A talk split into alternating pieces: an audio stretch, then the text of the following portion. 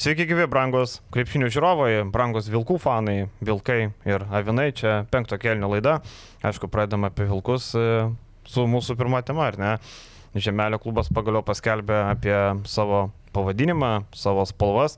Pagaliau galėsim nebevadinti Žemelio klubu, nors man geriau negu Vulf skamba, ne? Aš tai iš vis sakiau laidą pradėti podcastą nuo skanduotės turkio pilka, turkio pilka, hei, bet Edgaras nepasirašė, sakė, dar neišmoko naujo klubo gabalų. Na, aš matai, nebuvau ultra, aš nelabai, žinai. Ma, bet šiaip, jeigu bus fanų, tai bus sunku jiem. Tu neturi miesto, kuris, kuris skanduotų, nes tai yra Alitus Vilnius arba Londonas. Tavo pavadinimas yra angliškas ir tavo spalvos yra turkio ir pilka. Lietkabelis būdavo anksčiau sunkiausia. Kokia? Pilka ir kokia? Pilka ir turkio. Tai Turkio? Turkio. Turko, turko. O tai kokia čia gauna spalva turkio? Nu, tai ta Nu, tai šviečianti pasižiūrėk. neonkė tokia. Tipo. Ne, tai aš matau tą visą spalvas, bet čia Nu, tai turkio ir tai va, yra spalva. mano maiką, žiūrėk. Ok. Jo. Aš Nu, nežinau iš nu, aš šiandien specialiai užsidėjau. Tai turės skanduoti dvi gražiausios spalvos yra pilka ir turkio. O gal tai jeigu bandėjau taikytis į Lietuvos ryto pavadinimą, tai gal kažkaip netyčia išgirsim ir geresnio klubo. Kažką tokio. Nu, ką žinau. Šiaip hito, man atrodo, turkio viena spalvų. Ten vieną sezoną, kai turėdavo tą ne- rožinę. Nebeatkeitė, nes buvo jo. Jo, kai tą sezoną turėjo e, rožinį ir tą kitą spalvą, man atrodo, ta kita buvo tokia panaši. Logotipas tik tai matom, kad e, toks, e, na, nupirktas, ar ne? Tokio dėmetį. 35 eurų. Bet šiaip yra kiestis, tai iš karto į metus, nu man jisai pasirodė toks labai mėgėjiškas, maždaug kai būdavo susikur komanda ten kokiose NBA tokiai galėdavai savo komandą susikur, nežinau, ar dabar eina ir ten logotipų pasirinkimai maždaug, nu tai Galima, galima. BC Vulfs Gerai. ir tas pasirinkimas tokio logotipo. Dabar tokį užmėsiu, aišku, senai atsibodus tema, bet kas daugiau investavo į grafikos dizainerį LKL ar, ar BC Wolfs? Nu, man atrodo, kad Vulsai biškai. Man atrodo, kad Wolfsai vis tiek daugiau investavę yra. Blemba, bet ten būtų, bent bandė galvoti apsukti veidrodinis principas. Nieko Bet ten, nesigavo. ten bandymas Nieko buvo. Bet ten nesigavo. bandymas buvo, čia aš bandymo nelabai matau logotipę. Nu, Nu, vilkas, vilkas, neonkės, neonkės, važiuojam. Dzūkiškas, dzūkiškas charakteris ir geležinis vilkas vertybės. Man žinai, kas nepatinka. Nepatinka, kad e, nėra miesto, ar ne? Tai bus, mes dabar turėsim rašyti tiesiog Vulfs. Jie ten rašė BC Vulfs, na, bet BC Vulfs rašyti kažkaip kvailai atrodo, kaip rašydam BC Real Madrid arba ten BC Barcelona. Tai, bet šiaip, e, tai jo, tai koks Bet miestas. tai vis tiek rašysim pradžioje Lietuvos, paskui Vilnius, manau, pagal... Bet jie patys nerašo Lietuvos ir Vilniaus nerašo. Reiškia, tik tai Vulfs bus komanda be miesto. Čia jo. Tai aš manau, kad nerašo dėl to, kad keisis tas miestas. Nu tai taip, tai ir mes tada kaip ir neturim teisės rašyti Lietuvos. Reiks tai ne Lietuvos. Pas, pas. Nu, duos leidimą. Turėsim kaip tik žmonių, pas kuriuos galima pasiklausti. Taip, taip, taip. Ir e, šiaip e, tas vilkas pasirinktas toks nu, biški trololo, ar ne? Labai aiškiai vėl į ryto pusę, pavadinimas buvo BC Lietuvos rytas, dabar tas Vulfs, e, ne metalinis vilkas, ne geležinis vilkas kaip ryto atveju, bet tiesiog vilkas. Bet, e, nu, nežinau, galima buvo gal kažko paškoti kito. Ne, man, pavyzdžiui, jeigu tie- tiesiog pati idėja vilkas, vilkai, tai būtų kaip ir fainai, kaip ir Vilkas pasakei. pilkas. Vilkas pilkas ar pilk, pilkai vil, vilkai, e, viskas tvarkoja. Man tas angliškas pavadinimas, nu čia dar vienas parodymas, kad eisim į tarptautinę rinką, bet vėl, nu tai nueisi tu į tą Londoną, persivadinsi į tos Wolves, dabar tu ateini į Lietuvą ir iš karto su tuo anglišku pavadinimu, nu, man, man, man nelimpa angliškai, nežinau kodėl. Man vilkas būtų Vilniaus vilkas ar Vilniaus vilkai būtų solidžiau. Bet čia aišku, čia skonio reikalas ir čia jau ieškojimas razinkų ten, kurių nėra. Šiaip rytas buvo labai gražiai pasidaręs tuo savo visą Vilniaus simboliką, ten televizijos bokštą, Gedimino pilį, kažkada ant marškinėlių, kur, kur viskas, vis, vis tie buvo objektai išmarginti, labai buvo gražiai viskas atspinduliuota, o čia tai nežinau, nu, matysim. Ai, nežinau, man tai viskas, tas Wolfs irgi buvo variantas, kuris e, iš karto buvo tarp kandidatų, Žemelis kažkada dar seniai yra pasakęs, kad galbūt Wolfs, tai kažkaip nenustebino, toks ir buvo realiausias variantas. Aš netikėjau, kad jie gali pa- pasivadinti Lietuvos rytų, čia būtų visiškai nesąmonė. gal pasivadins, kai Vilnių perskels? Gal, bet čia trololo, man atrodo, toks buvo, nes... O tai kam registruoti? Šiaip pagalvokim apie tą registraciją, ar ne? Tas patentų biuras, e, tu gali nueiti patentą užregistruotą, susirasti, bet jeigu ne verslo žinios, nu paprastai žmogus neina tikrinti, nes sugalvos. Tai realiai tu registruodamas negali nuspėti, ar žiniasklaida pamatys, ten gal yra priregistruotų dar N kažkokių įdomių pavadinimų, nu, ne, nebūtinai žemelių, kitų žmonių. Tai man čia va įdomiai. Man tik dar vienas momentas, čia vėl tas ėjimas į tarptautinę rinką, norėjimas būti europinio lygio klubu ir tu ateini su logotipu, kurį Hebra per 10 minučių užgooglina, kad toks logotipas yra už 35 eurus. Tai tu į Londono rinką su logotipu už 35 eurus nenueisi. Šiais laikais, nu, vis tiek marketingas, dizaininiai, dizaino sprendimai, grafikos dalykai, nu, jie yra svarbus. Žmonėms norisi tą patį su tuo, kas gražu, su tuo, kas yra madinga. Ypač kai klubas save taip ir pateikia, kad tai yra mada kad tai yra, nežinau, kažkas naujo a, Lietuvos krepšinė, Europos krepšinė galingo, tai, na, į tai turėtų būti irgi žiūrima rimčiau ir investuojama šiek tiek daugiau turbūt. Šiaip gana panašus Timberwolves Minnesotos buvo senas logotipas, kuris buvo tai prieki žiūrintis vilkas. Aš dabar taip sulyginu šitą, tai gana, gana panašus vilkai, nu bet... Nu, Okay. pasižiūrėkit, internete visur, kur naujienos, pas mus a, dar kažkur jau memai vaikšto ir toliau visi juokiasi. Nu, tai reiškia, kad kažkas prašauta ir su to turkiu, ir su to vulfs. ir Bet gal juokiasi, nes, e, na, toks fonas. Ar juokiasi dėl to, kad fonas toks, ar dėl to, kad juokinga? Man tai atrodo antras. Man atrodo, čia tokia jau mada tampa, ar ne? Tipo, pasijuokim, ką žemelis bedaro, pasijuokim, maždaug viskas yra blogai. Man atrodo, jeigu pradės pirkti žaidėjus, kurie ten nebus ten, nežinau, paims kokį žaidėją, kuris nepatiks, irgi trolins. Ne, bet va kaip tik pavyzdys, tarkim, Brūžo naujiena, visi pasitiko, kad maždaug sveikintinas įimas. Nebuvo tikrai daug heito dėl Brūžo pasimimo, kad ką čia maždaug irgi galima tada, ką čia žurnalistą įima į stafą ir, šiaip, kaip ir sakai, iš visko galima juoktis, ką daro žemelis, bet, nu, čia nebuvo, žinai, tokio požiūrio, bent jau kiek aš žiūrėjau. Na, aš dabar apie tos Vulfsus pagalvojau, kad man Premier lygoje pastoviai maišydavosi Wolverhamptono Vulfsai ir Vulfsai. Man vieni iškrito. O kurį iškrito? Neiškrito? Ne, Wolverhamptonas neiškrito. Ai, atrodo. tai viskas gerai tada. Galima toliau maišyti. Ten yra dvi panašios - Wolverhamptonas ir Vulfsai. Tai e, panašiai ir tas logotipas ten toksai, ten toks e, fonas toks vilko, toks nu, maketas, tai ten gražesnis biški. Ir aš nemanau, kad kai klubas pradės kelb žaidėjus, kad kažkas a, kabinėsis labai prie daug tų pavardžių, nes nu, mes nelabai žinom, ko tikėtis. Aš net nebėjau, kad tie žaidėjai vis tiek bus pakankamai įdomaus lygio. Aišku, čia reikia sulaukti pirmų tų ėjimų, bet a, žmonės juokiasi iš to, kas, kas yra jokinga. Nemanau, kad kažkas juoksis iš žaidėjo, jeigu tai nebus Eurolygos lygos tarai. Wolverhamptonas jo liko. Uh, tai žaidė Nu, tą sezoną sakau, lygoj. iškrito. Tai aš tai kažkiek sutinku su tuo, su tą mintim, kad kažkiek tai ir jaučiasi tas pašiepimas nuolatiniai žemelio, kadangi, nu, yra tas šleifas, ten tapinas savo komentarais labai stipriai prisideda, nes vis tiek tai yra stipriausias Lietuvos nuomonės formuotojas, tai tu nori, nenori. Būsimas prezidentas. į jo, į tai kreipi dėmesį, bet uh, iš esmės, nu, jeigu atmesim viską, atmesim visas emocijas, žiūrėsim tik paviršutiniškai, naujas krepšinio klubas Lietuvoje yra įdomi mum, mes jau kiek turėjom temų, kiek turėjom potemių, kiek turėsim temų, tai čia viskas yra su tuo gerai, aš galvoju, kad, uh, nu, matysim, kaip jisai seksis, bet šiaip labai daug chaoso iš pat pradžių, bet mes jau tai aptarėm praeitoj laidoj, kad uh, Nežinau, viskas kol kas labai plastiko tokių. Apie chaosą turbūt- Lydytų atsiduoda. Tai niekas ir nesiginčina, kad tai yra neįdomu, čia yra įdomiausias dalykas nutikęs Lietuvos krepšiniui per penkis metus ir čia visi apie tai šneka ir visi labai laukia. Tik natūralu, kad a, kai daug šnekama, ieškoma ir prie ko prisikabinti ir, kad- ir kad tas klubas yra po padidinamojo stiklu, nes na, jis pats ateina garsiai. Tai kai tu ateini garsiai, tu negali tikėtis kitokios reakcijos, kad visi žiūrės ir visi vertins kiekvieną tavo įimą, ypač kai tie įimai pristatomi skambiai, garsiai, patys nori to viešumo, patys nori to dėmesio. Tai natūralu, kad jie ir gauna tokį kartais, kokio galbūt patys nesitikė. Bent jau gerai, kad spalvos originalios, LKL neturim tokių spalvų. Nėra ten, žinai, žalia, balta, raudona, juoda ar ten mėlyna, balta, žinai. Tai bent jau, bent jau spalvos originalios. Dar liekant prie šito projekto, na, Margimantas Brūžas, e, iš mūsų išpirktas su visais batų raištukas, kaip sakoma, kaip sakome, ar ne. E, aš kažkaip galvojau, kad Žemelis gali bandyti pirkti Brūžą, bet aš tikėjausi, kad tai vyks gegužė. Na, vėliausiai birželio pradžioj. Bet birželio pabaigoje per Joninės kviesti žmogų ir sakyti, klausykit, davai, ateik pas mus čia, čia ir dabar, jau šiek tiek vėloka. Ir čia, bet sueinu su Viliaus žodžiais, kad, na, šiek tiek chaosas, ar ne? Na, jau birželio pabaigoje suprantu, kad dar nieks nieko nekomplektuoja, dabar treneriai ieško, dabar laukia, ar paskels FIBA Europos taurę, ar gaus. Ten e, nemažai norinčių yra, tai FIBA Europos taurėžiais gal turėtų gauti tą vietą, vėl nežino, gal Jona- Jonava irgi turėtų gauti, ar ne.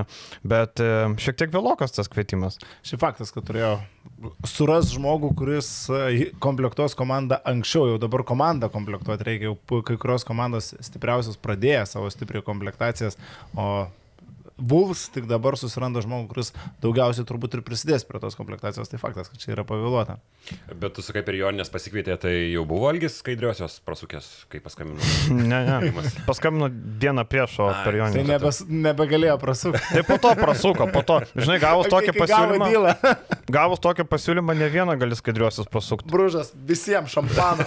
Statau, barą stato. Tiksliau, tiksliau Hebra ne žemelis stato. žemelio sąskaitą perrašom.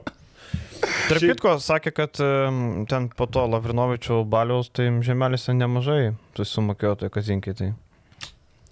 Va, aš tai šiaip nesutikčiau su šitą nuomonę, kad per vėlai, nes pirmas sezonas tu žaisi tik LKL e ir tu žaisi to į kibirėlio taurė, net ne kibiro, kaip vadinamas buvo pašiepiančiai žalgerio fanų, a, tuometinė ULEP taurė, vėliau Europos taurė, o kibirėlio taurė. Tai patirtis ir praktika rodo, kad a, komanda, tokia komanda, kur jinai žais, kad jį pretenduotų į ketvertuką, pakanka susirinkti. Nu, rūpiučio mėnesį.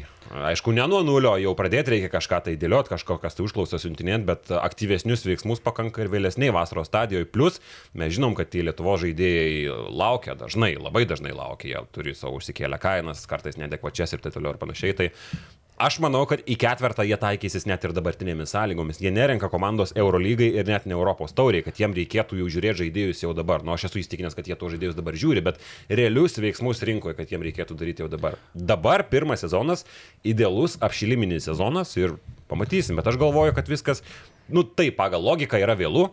Bet žinom tai, kad pirmas sezonas, LKL, e, Jonava prisiminė tautydai, kaip vėlai susiko- susikomplektavo praėjusią sezoną ir kaip gerai atrodė.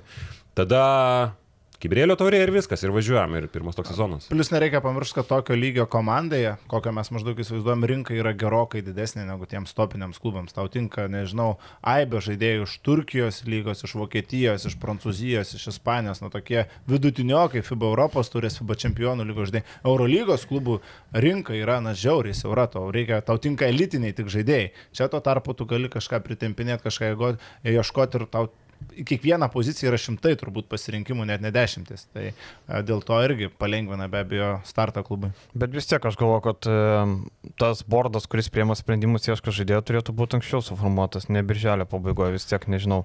Tai gerai, gerai, tu gali žaidėjus pirkti Liepą, bet e, turėt bazę. Aišku, analizė pirmą, antrą.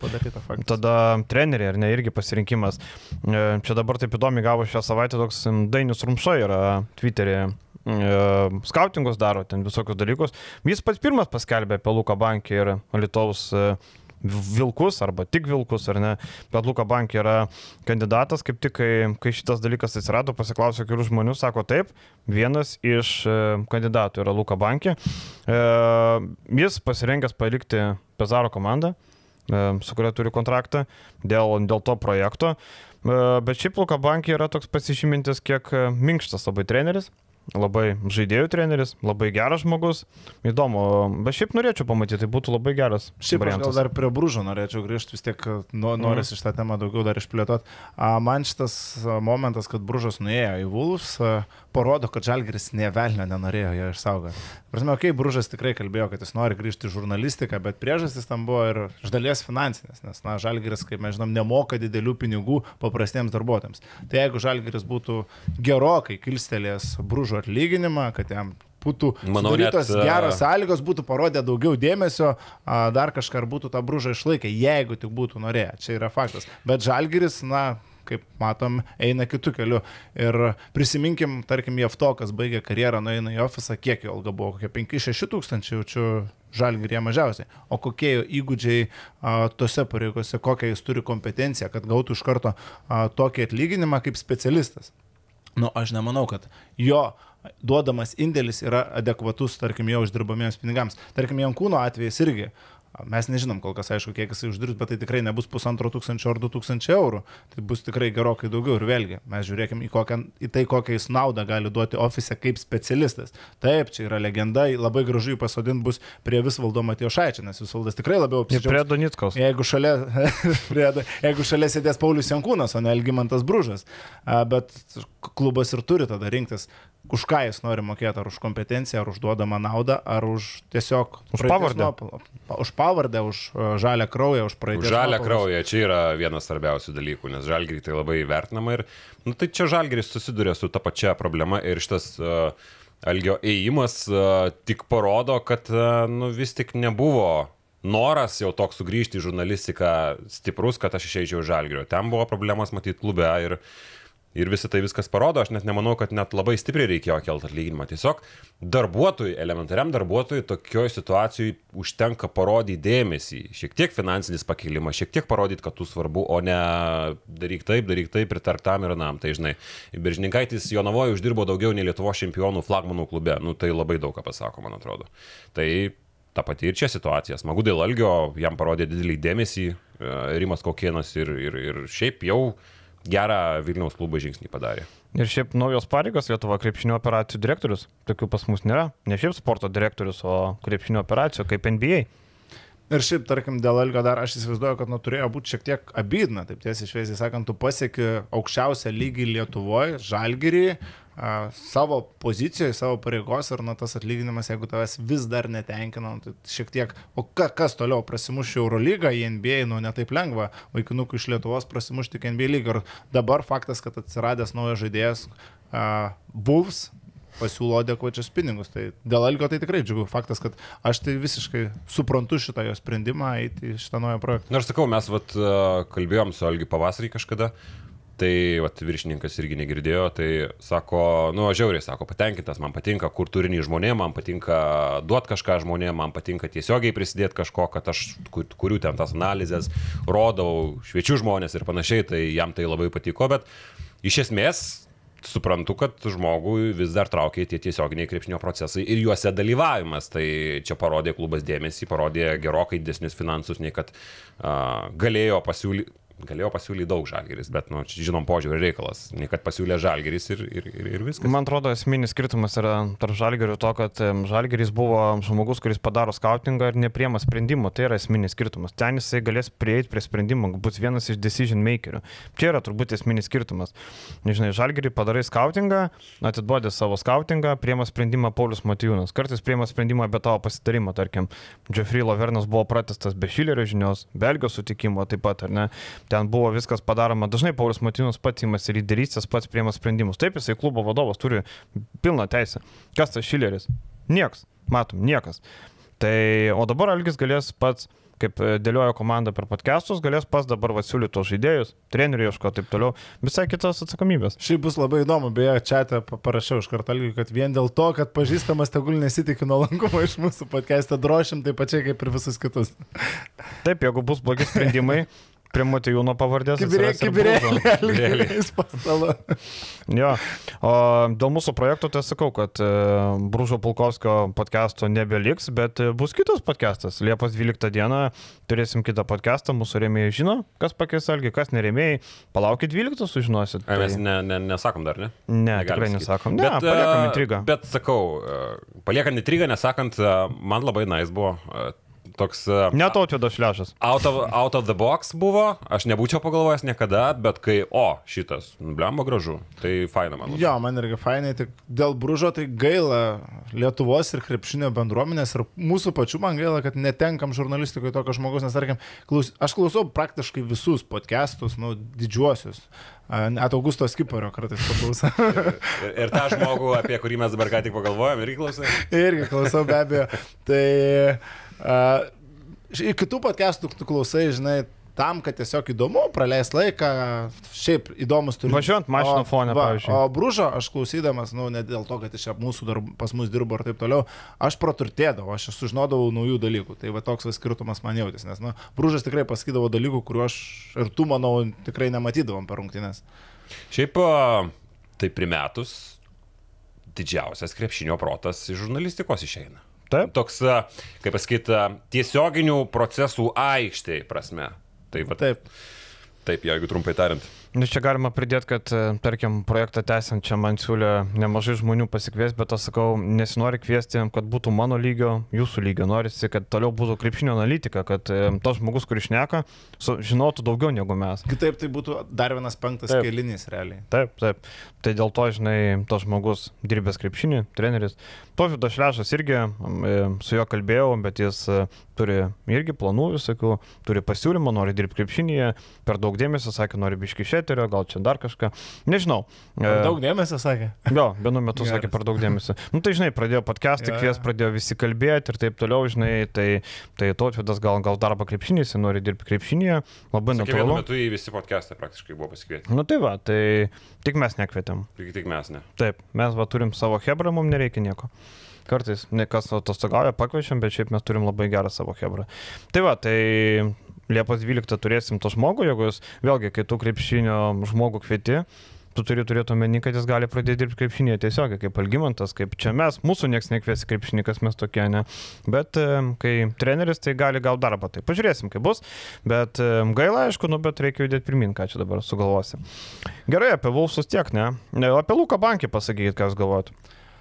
Kaip tokio lygio klubui, ta prasme, nežinomo lygio klubui, tai labai logiškas ir labai neblogas įimas. Aš tai visiškai, ta prasme, treneris su Eurolygos patirtim, treneris su tarptautinio krepšinio patirtim. Aišku, mes prisimenam to, tos jo failus Krasnodarė, bet, bet nemanau, kad kažką rinkoje geresnio tu gali atrasti Vulsų vietoje, nes, nu, tu pats esi dar niekas, realiai, ir prisivilioti aukšto lygio strategą, kuris nebūtų nusimušęs vertės ir nebūtų, tarkim, dėjęs kelių žingsnių atgal. A, Be europinio turnyro, tarkim, jeigu tu turi europinį turnyrą, tai gali ieškoti ambicingų kažkokių trenerių. FIBA Europos taurėna nėra tas turnyras, kuris ten labai viliotų jaunus specialistus.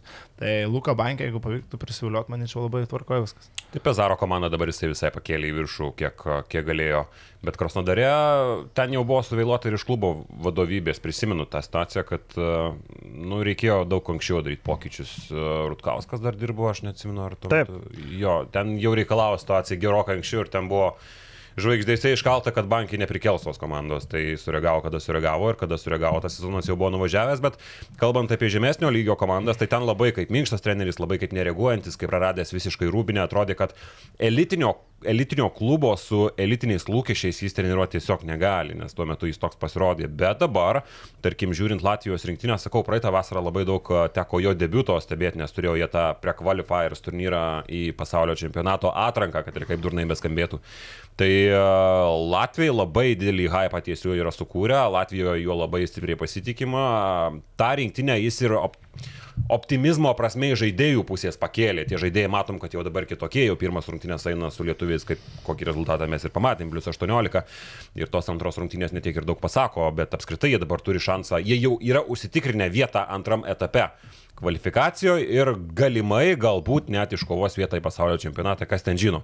Tai uh, Latvijus jis irgi prikėlė, galima priskaityti prie tų, kur buvo visiškai numirus rinktinė. Tai žiūrėsim, bet aš manau, kad tokio lygio komandai tai yra geras sprendinys.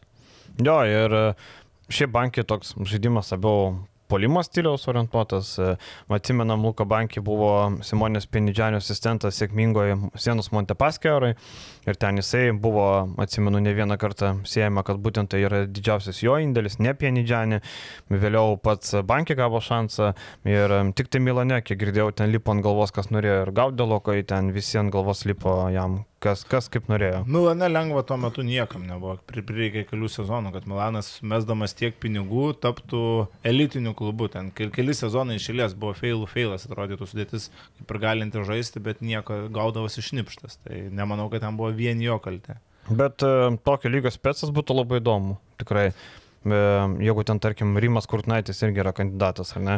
Bet e, aš imčiau Luką, ne, ne Rimą. Bet aš manau, Luka eitų nebent, na, su ilgalaikė vizija, su ilgalaikiu projektu, nes, na, vien dėl LKL ar dėl FIBA Europos taurės, na, jis turėtų patikėti tą žemelio viziją, kad, na, tai bus Europos taurė, kad tai bus kažkokio a, aukštesnio lygio europinis turnyras ateityje.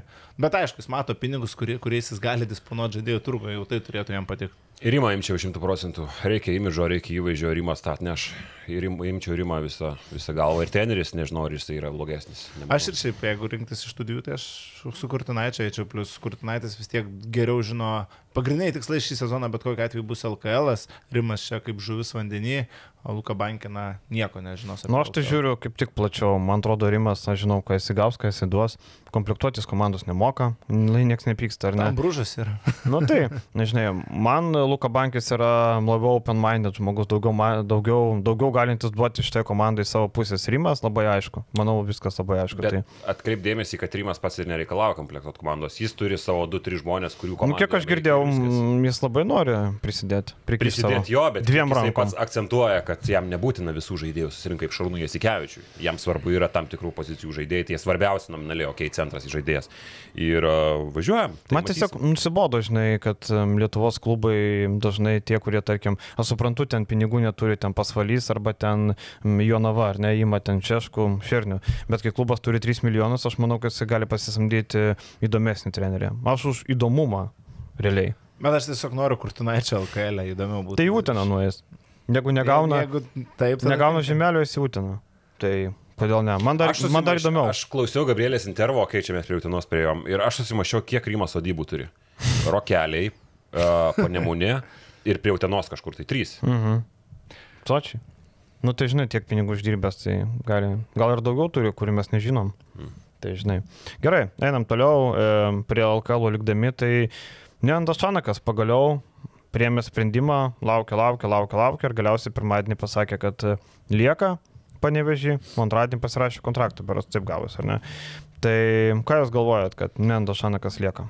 Man tai parodo, kiek sunku treneriui iškilti iš, uh, sa, iš savo ribų. Atrodytų, ne, Dašanakas su Lietkabilinu tikrai parodė, kad yra neblogo lygio specialistas, galintis dirbti ir aukštesnėme lygyje, bet vis tiek Eurolyga yra labai uždaras reikalas, ten verda tie patys treneriai. Galbūt finansiškai ir būtų gavęs kažkur geresnį pasiūlymą žemesnėme lygiai, nes faktas, kad panevežys net ir būdamas Europos taurės klubas nemoka kosmosų, bet turbūt Čanakas nusprendė, kad Europos taurė yra geriau negu šiek tiek solidesnis atlyginimas, juolab, na tai yra sėslų žmogus, kiek tekia susidaryti nuomonę ir kiek tenka girdėti, ar jam panevežį viskas tinka ir patinka, tai nusprendė nerizikuoti. Aš tai suprantu tokį sprendimą. Jeigu ten dėl kelių tūkstančių ar ten kelių, kai, tarkim, per mėnesį dabar jam važiuoti visiškai nežinoma jam organizaciją, naują vietą, kai čia viskas yra patikrinta, tu turi Europos taurę. Kodėlgi ne? Tiek, Irgi- kad, sorry, pabaigsiu minusas, kad jam vėl iš naujo reikės surinkinėti komandą, jam jaučiu turėtų svirt rankos, tu jau praeitą vasarą padarai gerą darbą, iškapstėjai žaidėjus ir tu vėl lieki prie tos pačios, ne, ne, nesuskilusios geldas, bet prie geldas, realiai. Ir tau dabar panujoti Kalaidzakį, tu turėjai už 30 kiek 5 tūkstančius per metus, tau reikia vėl susirasti lyderį už, na gerai, gau, gaus išpirką už Kalaidzakį, kažkiek prisidės prie tos sumos, bet vis tiek tu verdi tose pačiose mažose pinigose komplektacijai. Tai jo, bet Europos taurė yra tinkama, tinkama platforma kažką pasirodyti ir galbūt kitais metais šaut, bet uh, aš tai nežinau, aš jį kiekvienais metais pamatau prie, tos, prie to komandos vairo ir uh, kiekvienais metais įkelia lietkabilis nutraukėlę, kad jis stovi su čimodanais vėl atvykęs ir man toksai žiūrint į blemba ir vėl, nu tokį važiai jau išaugai, tokį važiai jau esi ne ten, tu turėtum būti kažkur kitur, bet Nu, akivaizdu, kad vat, mes kalbėjome apie riziką, apie naujoves, tas žmogus tu nemėgsta. Šiaip aš suprantu, aš irgi nemėgstu visada šeimų patikrintus variantus gyvenime ir man tai patinka. Tai akivaizdu, kad Šanakas yra tos, to, to, to pačio kirpimo šuo. Tai nežinau, aš tai viską suprantu ir viskas. Ok, jau lietkabiliui tai čia laimėjimas, aišku, ir kai kurie žaidėjai žinau, kad laukia, laukia labai iš to sprendimo. Vienas serbas sakė, kad e, jeigu Čanakas nebūtų partizano mokyklos žmogus, jisai būtų pagrindinis pretendentas prie Cirionų Zvezdą vairo pakeis Dėną Radoničių. Bet jis yra labai partizano žmogus, e, labai deklaruoja atvirai. Ten yra didesnė priešprieša negu pas mus, žinai, tarp ryto ir žalgerio.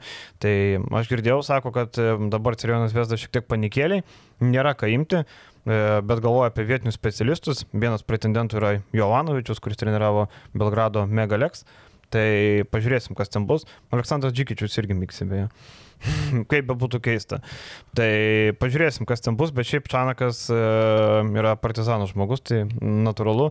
O dėl e, vienas geras agentas e, prieš savaitę sako, aš Čanako vietoj būčiau po sezono paskelbęs Ačiū Lietkabelį, ačiū, atsisveikinu, išeinu aukštumoje, gausiu darbą, negausiu, aš būsiu trenerių mikse ir kai prasidės atleidimai, aš būsiu vienas pirmų, kurį kvies. Tipo, žinai, sako, Eurocapė kiekvieną sezoną keičiasi 4-5 komandų treneriai, aš būsiu tame mikse. Ir aš sutinku su tuo. Aš manau, kad jis daugiau su Lietkabeliu nebepadarys. Logiška šiai mintis, tik aš irgi labiau prie Viliaus to kirpimo žmonių ir, kaip ir sakė, ir panašu, kad Čanakas yra prie to paties, kad jis nori gyventi saugiai, ramiai ir... Ir dirbti čia esmė yra. Jo. Aišku, jis gali vaikytis aukštesnių kontraktų ir taip toliau, žmogus, jeigu patenkintas tuo, kad tuo, kur yra, tai aš tai nesmerkiu visiškai. Ne, tai žinai, Lietkabeliu čia laimėjimas, aišku. Liet kabelių, tai čia, ojei, faktas. O kaip manat, kiek svarbu kitais metais bus komanda 3-4? Nu, bent jau poro turėtų būti. Nebūtinai serbų, Balkanų, Balkanai. tarkim, kruatas koks nors, žinai, taip toliau jo. Tai, nes, e, nu, laimėti LKL su Lietkabeliu kitą sezoną, manau, bus e, dar sudėtingiau. Gal net, bus. net į finalą. Finalą. Tai va, tai e, peršokti tą, kas pasiekta, bus labai sudėtinga, aišku. Tai, o žinai, o kaip sakant, e, kai vieną dieną tu ant arklių, kitą dieną parklių, kaip sako Garastas, tai nedaug dievė nepasieks, kai tu komplektuosi komandą iš naujo. Labai didelė rizika, kad gali nepasisekti. Taip, žiūrint iš dabartinės perspektyvos, vėl čia aišku, gali eiti į nusišnekėjimų kibirėlį, bet Lietkabelis, mano akimis, kitą sezoną daugiau šansų turi nepatekti į LKL pusinalį, negu patekti į LKL finalą. Kai tu turi stipresnį teoriškai rytą, kai tu turėsi atsigaunantį žalgį ir dar turi žemelio klubą. Ir tu teoriškai pagal biudžetą, pagal galimybės esi ketvirtas. Tai tau reikia vieno gero underdogo iššovimo, kaip šiauliai, kurie bandys eiti į FIBA čempionų lygą, prapiltą ketvirtfinalio seriją ir tu liksi be pusnulio. Teoriškai Lietkabelio startinės pozicijos, žiūrint iš biudžeto, iš galimybių pusės, prieš kitą sezoną yra ketvirtoje vietoje. Atmetus visus uh, žmogiškuosius faktorius, kaip įdirbis, kaip Čanakas, kaip turinti, uh, turimi jau kontraktai, bet iš finansinės pusės, iš galimybių, nu, tai yra ketvirtas šiuo metu LKL klubas. Iš teorinės finansų Teorinės, dalies, nes mes taip. nežinom, kaip ten bus, bet kol kas trečia, aš galvoju. Nu, Ten vis dar, 3 milijonai bus Nominaliai vis dar trečia turėtų būti komanda, nes mes nežinom, ką surinks e, klubelis iš... Bet pagal pinigus Alytaus. 3 milijonai. Tai matysim, 3 tai milijonai. matysim, bet aš net mes nebejoju, kad nebus mažiau. Tai Ant, ant logotipo jau. Nebejoju, nebejoju. Ant logotipo jau, jo, Jau gali padėjau sutaupyt. sutaupytą. Manau, kad Luka Bankinė už 100 tūkstančių atvažiuoja. Ir e, kažkaip mes grįžtant, jeigu prie Čianako, tai man tokia pati analogija yra, nežinau, pritarist ar ne, Roninas Ginsburgas. Čekijos rinktinės treneris irgi ryškiai užsėdėjęs e, savo regione, nes jis dabar nuo prieš dviejus metus gavo Čekijos pilietybę, tai skaitosi savas kiemas. Malasi, malėsi visokiose Nimburguose ir panašiai Čekijos rinktinėje, tai nors šiaip specialistas, kuris būtų vertas kažkiek tai daugiau atrodo. Tai va tokia analogija. Tai va. Bet mes sprendžiam pagal pasirodymą Čekijos rinktiniai. Mm. Bet klubiniam, nu ką, Stočezo, Kemzūro irgi laimėdavo. Bet Čekijos lygą. rinktinė labai rimtai sustatęs. Taip, Čekijos rinktinė taip, bet e, apie, apie klubinį, žinai, Skarjola irgi Ispanijos rinktinė labai gerai sustatęs. Norėjau sakyti apie Skariolą Nu, pavyzdį. Tai čia, žinai, kaip dirba rinkinė, kaip klube, čia skirtingi dalykai, žinai. Bet šiaip e, dabar žiūrint, žinai, Lietkabelį vėl reikės traukti kažkokius zuikius. Ar galima rasti už 70 gediminų realiko lygio žaidėją? Ar galima, kaip tu sakai, už 35 nupirkti Kalaidzakio lygio žaidėją? Ar galima įsaugoti e, tos žaidėjus, kurie yra dabar? Ar galima Dovi gauti vėl? Nu, Žalgiris čekina tą situaciją. Žalgiris tikrina, e, ta išpirko suma yra gana lanksti.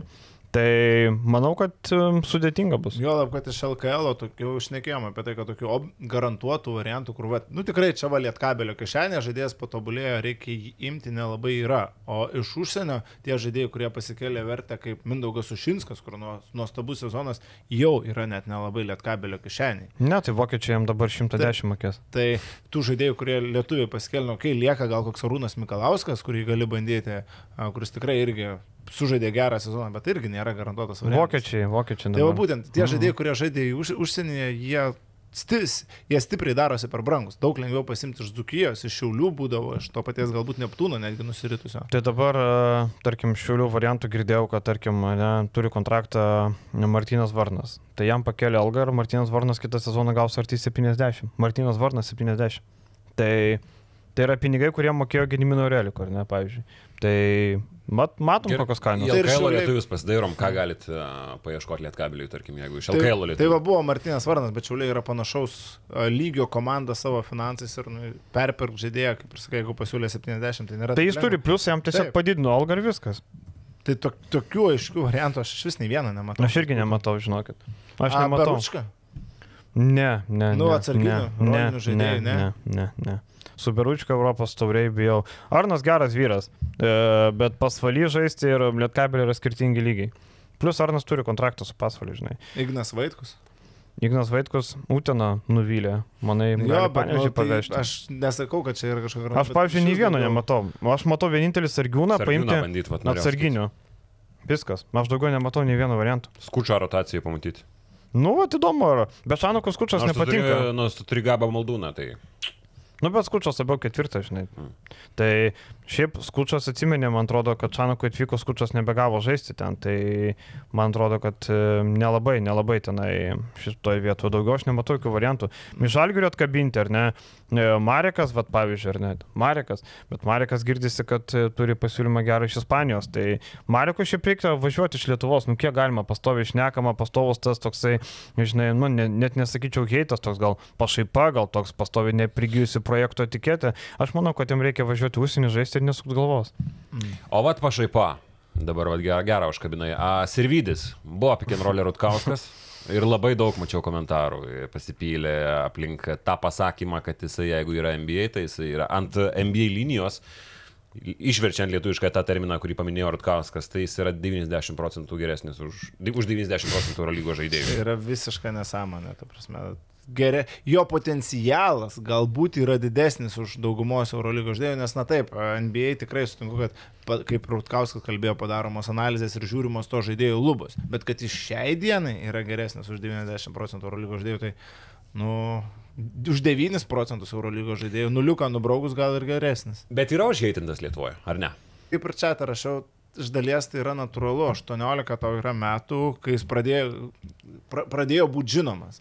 Nu, natūralu, kad smegenys tuo metu susisuka. Tu gauni solidžius pinigus, tu turi būti Vilniuje, a, tau kalbama, kad tu žaisi NBA, ta yra 18 metų, vėjas galvoj tuo metu. Bet jeigu dabar jie pasidar yra vėjas galvoj, tada jau yra problemos. Jeigu vis tiek nuvažiavus į JAV, pamačius savo realias galimybės ir kas tu šiuo metu esi ir kiek tau dar reikia dirbti, jis vis dar vaikšto su tais pačiais kailinukais, tai, nu, mano nuomonė, čia jau yra problema. Bet nėra taip biški, kad čia mes lietuvišką tokį turim išlaikom, kur, o žiūrėk, čia jisai pasikėlė su kailiniais, nes su kailiniais, tik dėl to. Nes, vad gerai, yra kažkokie atgarsiai. Aš esu su juo daręs intervų ir nusikeiksiu, ahujanas bičias atrodo. Man, aš, aš, aš tokį įspūdį sudariau, gal jis moka pateikti, gal, gal kiti žmonės, kurie kalba apie tai, yra ties, tiesa. Aš jo asmeniškai nepažįstu, nes darimas interviu irgi nėra, nėra pažintis kažkokia. Nu, savotiška, bet ne visiškai. Gali man, būti feikas visiškai. Gal, bet man gera, aš, sakau, aš esu iš tų pavyzdžių, kuris sakau, kad man geras žmogus pasirodė. Ir man kartais taip atrodo, kartais neįsigilinus į situaciją, kad tas įvaizdis jo, pasitikėjimas savim, kas vėlgi nėra gerai, arogancija ir pasitikėjimas savim yra du skirtingi dalykai. Man atrodo, kad uh, lietuviam tai biški kažkokį skersą žvilgsnelį sukelia. Aš sutinku, kad jo karjeroje kol kas daugiau vaidmenų vaidina agentai ne jis pats, aš sutinku, bet kaip apie žmogų, kaip apie pagrindą jam turėti, kad jis tiek heito pritrauktų, aš ne visiškai su to sutinku. Lietuviai paprasti žmonės ir mėgsta tos, kurie įrodinėja darbo, o ne kažkokį savo įvaizdžiais, kažkokį. Tu apie Jokubaičio pavyzdį. Taip, va. Puikus pavyzdys, Rokas Jokubaitis nu, yra Lietuvos numylėtinis. Ar Rokui Jokubaičiui reikia kažkokių... Jis, jis turi labai aišku savo stilių, jis yra fainas, linksmas, jaunas bičias, kuris yra savo vietoje dabar žaisdamas Barceloną jis turėjo pilną teisę vaikščioti po Kauną, va taip, nu aš kiek žinau, nevaikščioju, su tais pačiais ir galiais dar dabar palaiko ryšius, atrašinėja į žinutės. Bet tai... Sirvidis irgi atrašinėjo žinutės fanams. Ir atrašinėjo ir bendravo su ryto fanais. Bet koks yra Jokubaičio įvaizdis sudarytas ir koks yra Davidas? Sirvidžio? Nes iš povyzos bendros, vėlgi aš noriu tai pabrėžti, nu, iš bendros povyzos e, Rokas yra labai linksmas, labai fainas, jis yra traukiantis, kaip dokumentikoje pasakė uh, jo mama.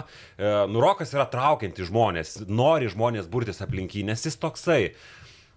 Deivis yra, nu, toks rimtas, surokto veido, bet tai yra tiesiog žmogaus pavyzdys ir viskas. Ir daugiau nieko. Ir stilius, iššaukiantis stilius, aišku, prisižiūrėjus tų svegiai visų dalykų iš Amerikos ir panašiai, bet čia tik stilius ir viskas, daugiau nieko. Ir kiek man tekia, yra, aš vėlgi, aš neginu tikrai ir vydžiu, aš asmeniškai netikiu. Tai mes tai taps... nepuolam, tau nereikia. Ne, ne, aš tik tai, kad uh, nujausdamas, kad pareina į mane komentarų strėlės ar dar kažkas, aš netikiu, kad jis žais NBA. Mano mintis, kad jisai turėtų, bet vėlgi, Rutkausko mintis, aš su jais sutinku, kad dar tik 22 metai, jeigu nori pasivaikyti tos svajonės, vai no, tu spėsi grįžti į Europą, būdamas 23, 24 ar dar vėliau, tai, tai jisai spės, jeigu jisai turi jau dabar susidomėjimą, bet ką aš noriu pasakyti, mes nežinom, kiek jisai ten dirba. Tas, tas darbas yra toks labai relativus dalykas. Jisai keliasi dabar į Instagramą savo video, kaip jisai dirba, bet uh, realiai kiek jisai dirba, gal jisai dar daugiau dirba, gal jisai, nu, mes nežinom. Bet šiaip aš sutinku ir gaila, kad nepaklausėm ne vienas tuo metu e, Kazio Maksvyčio, kodėl jo nebuvo sąraše, ar jisai atsisakė, ar jis nebuvo kviečiamas, o čia būtų įdomu žinot, panašu, kad nebuvo kviečiamas, jeigu klystu, atsiprašau, bet situacija yra tokia. Ir aš sutikčiau, kad Sirvidis turėjo sulaukti kvietimo. Jeigu sulaukti... Netelpa visi jau. Nu, okei, okay, nu tai Davidą tikrai įdomu pasižiūrėti jo potencialą. Man, pavyzdžiui, Sušinskas įdomiau pasižiūrėti. Man asmeniškai. Ir Sušinskas, bet Sušinskas yra Europoje, tu jį matai kažkiek, ko- koks šiuo metu yra, plius minus aišku, koks yra Sušinskas. O koks yra Davidas Sirvidis, nu, man yra šiuo metu visiškas klausimas, kaip ir Rutkauskas protingai pasakė, nu, mes jį atsimenam 18-19 metų iš Lietuvos, dabar jam yra 22, jis kiekvieną dieną dirba. Tai natūralu, kad progresas turėjo būti, kiek didelis tas progresas man būtų asmeniškai labai įdomu pasižiūrėti, ar kokio lygio šiai dienai tas yra ždėjęs. Tas pats ir su Arnoldu Kulbo, kad dabar sužaidė vienas prastas rungtynės ir visi iš karto nurašo. Nu, žmogus gal atvyko prastos formos, gal nepaėjo, gal dar kažkas. Nereikia su- sureikšminti dabar to vieno mačo su Latvijais ir viskas Kulbo, kai keliauja į paraštas. Nu, nevelna. Bet tas galėjo pasikviesti. Žiūrėk, Sirvidžio dabar yra antras, trečias, tai kažkur numeris. Kokia jo yra? Šiaip trečias, Trečias, trečias, Europoje tai tikrai Tai trečias. pasižiūrėkit, mes turim Sidekerskį, Brasdeikį. Ir dar vienas trečiukas buvo, a, kas dar buvo, kas dar buvo, kas dar buvo. Radzevičius. Radzevičius jo. Ir Eigertas gali trečių pažaisti. Tai Sočiai. jo. Tai Sočiai. man, sorry, bet uh, įdomiau pamatyti Įgy. Man įdomiau pamatyti Gytį po tokio gero sezono ryte, man įdomiau šiek tiek yra pamatyti. Nes ir... turėjo labai, nu, čia vėlgi yra dėl to, kad mes jį matom. Radzevičių mes matom kiekvieną dieną ir, okei, okay, tu žaidži taip ryte, kaip tu atrodys rinktinį. Mes statom tave čia ir mes pasižiūrim, tai yra labai įdomu. Sirvidis, jis yra intriga, jis yra mistika, nes aš nesutinku mm. su viskuo, ką pasakė jo agentas, nes reikia pripažinti, kad be Valencija aš neprisimenu, kaip žaidė, Uniksas buvo fantastinis grajus. Daugiau mes realiai labai daug ko ir nepamatėm. Prisipažinkim, tai yra kol kas vienų, dviejų rungtinių žaidėjas. Viskas. Jeruzalėje mes jo nematėm. NBA lygoje tos minutės ir G lygoje tie pasirodymai apie jį sako tik labai nedaug. Potencialas yra, yra. Metimas yra, yra. Atletiškumas, kažkoks fizika, kūnas yra, yra. Bet praktikoje mes nematėm. Man įdomiau pamatyti, ką aš matau klube ir ką aš matysiu rinktinėje paskui. Bet žiūrėk, Radzevičių mes norim pamatyti langų kontekste. Ar tai yra žaidėjas galintis žaisti langose, ar jis gali padėti tai langų rinktiniai. Nu, apie pagrindinę komandą, galbūt kaip 12 žaidėjas, 11 kažkada. Servidis turi potencialo, ne šiemet, galbūt po poros metų būti pagrindinės rinktinės žaidėjas. Nu, tai yra faktas. Ta prasme, jo duomenys ir jo galimybės ir jo lubos yra tikrai aukščiau negu Gyčio Radzevičius. Čia yra no-braineris. Tai pasižiūrėti tokį žaidėją iš šitos pusės man yra įdomiau negu įgyti Radzevičius, sorry. Nu gal, gal, aš neprieštrausiu tam, bet aš tik tai, uh, aš irgi galbūt imčiau Sirvidį, bet aš tik tai noriu pabandyti paaiškinti tai, kas, uh, kas yra logiška, iš tikrųjų. Nu, nėra nelogiška nepaimti Radzevičius. Ir tu Radzevičių ar. Sirvidį atgarėdama pažiūrėti į starpą galiu. Ne, man tai Sirvidė, aišku, įdomu. įdomu. Na, žinau, ką Razevičius duos, bet aš suprantu, kodėl buvo Sedekerskis, taip toliau, Sedekerskis turi potencialą dabar žaisti Eurobasket. Faktas. Jam reikės Dončičių tenkti, Denisas Šriuderį, e, visas žvaigždės. Realiai, Sedekerskis ruošiamės dengti žvaigždės, ar ne? Ne, čia šaržuojant, nu ko jūs taip žiūrite rimtai mane. Tai Ne, aš nesupratau. Praeitos vasaros bairis buvo, kad Sedekerskis būtų Dončičių uždengęs ir būtume Olimpiadai žaidę. Bet Bet, būtumėm olimpiadą. jo, bet e, man tik nepatinka naratyvas, kad žurnalistai užheitino Sirvidį. Heitinimas nėra, jeigu mes, tarkim, Vilius sako, aš pritariu, jis nežais NBA, bet tai nėra heitinimas, tai yra mūsų nuomonė, tai nereiškia, kad jis blogas žaidėjas, tai nereiškia, kad jis blogas žmogus. Tiesiog jis man nėra NBA žaidėjas, viskas. Tai dabar aš pasakysiu, kad nežinau, tenai Arnas Butkevičius nežais NBA, tai jis bro, blogas žaidėjas, nu neblogas Eurolygoje šiuo atveju. Nu, tarkim, Arnas Butkevičius nežais Eurolygoje. Ne, tai jisai žais Eurolygoje. Nu, aš manau, kad žais. jeigu- Jis jau yra žaidęs jeigu tai pasakytum, nu, tai irgi Nu, nėra, taip. nėra. Rimtoje. Eurolygoje. Jo, nu ten tarkim, e, ten koks nors Karolis Gedraitis nežais Eurolygoje. Tai jis blogas žaidėjas? Nu ne, ar jisai blogas vyras? Ne. Tiesiog, nu ne visi gali būti Eurolygos ir NBA žaidėjas. Tai tiek. Ar dėl to įvaizdžio, jau čia daug išnekėjom, bet jeigu tu pats pasirenki tokį įvaizdį iššaukiantį, nu tai tu ir iššauk reakcijas. Nu, tai yra natūralu, kad žmonės apie tai kalbės. Tai kokiu, kokiu, kokiu tikslu tu tada tą įvaizdį aplink save formuoji? Ar NBA žvaigždės a, ateidami su marškiniais Ai, bet jau čia, į- žinai, toks jau iki... pasakymas, kur moterį išprievartavo, nes jau... Nu, blema, ne, ne, ne, ne, ne, nieks rydžia nesivažia prie vartą. Yra labai, aš labai daug žmonių girdėjęs. Tai jau nereikėjo tau čia Ne, tai niekas nesako, kad nereikėjo. Reikėjo, jeigu, jeigu tu to nori, jeigu tu nori save pateikti štai taip, tai patik ir natūralu, kad tu Man sulauki sakau, aš apgyniau tą nuomonę, manau, nes man labai kvailai atrodo tas uh, žmonių heitinimas. Ir realiai jokio pagrindo nėra kol kas. Mes matom, kad tai buvo tokių sprendimų, ką labai daug kam įtakos padarė jo agentūra ir panašiai. Ir, ir, ir mes žinom, kad jisai... Aš laikausi iki šiol nuomonės, kad jisai yra per anksti iš ryto išneštas žmogus, išneštas dėl kažkokių užkulisinių sustarimų. Man tai atrodo ir kol kas man taip niekas neįrodė. Va dėl visų šitų priežasčių man ir norisi pasižiūrėti Sirvidį, koks jis yra dabar. Mes vėl kalbam apie tai, apie 18 metį Davidą Sirvidį. Tai aš labai norėčiau pamatyti, kad jis šiuo metu yra labiau subrendęs kaip asmenybė ir patobulėjęs kaip žaidėjas. Manau, užtenka apie Davidą, ne? Jo, tik tai galima pridėti, kad tarkim, ne, šansas NBA. E, tas ant slinkščių, jisai gavo šansą Detroite, tada, kada išguldė koroną. Ir realiai jis net nebuvo pirmas kolas, tada, kai prasidėjo korona, galite pasižiūrėti, pasirašė vieną, antrą, trečią, tada atėjo dėvėlė.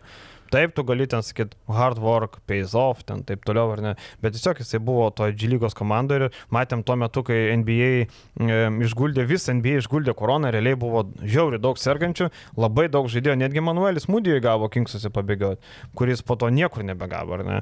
Tai man atrodo, kad e, NBA nie pro kur šiuo metu nėra, tai nebent lyga.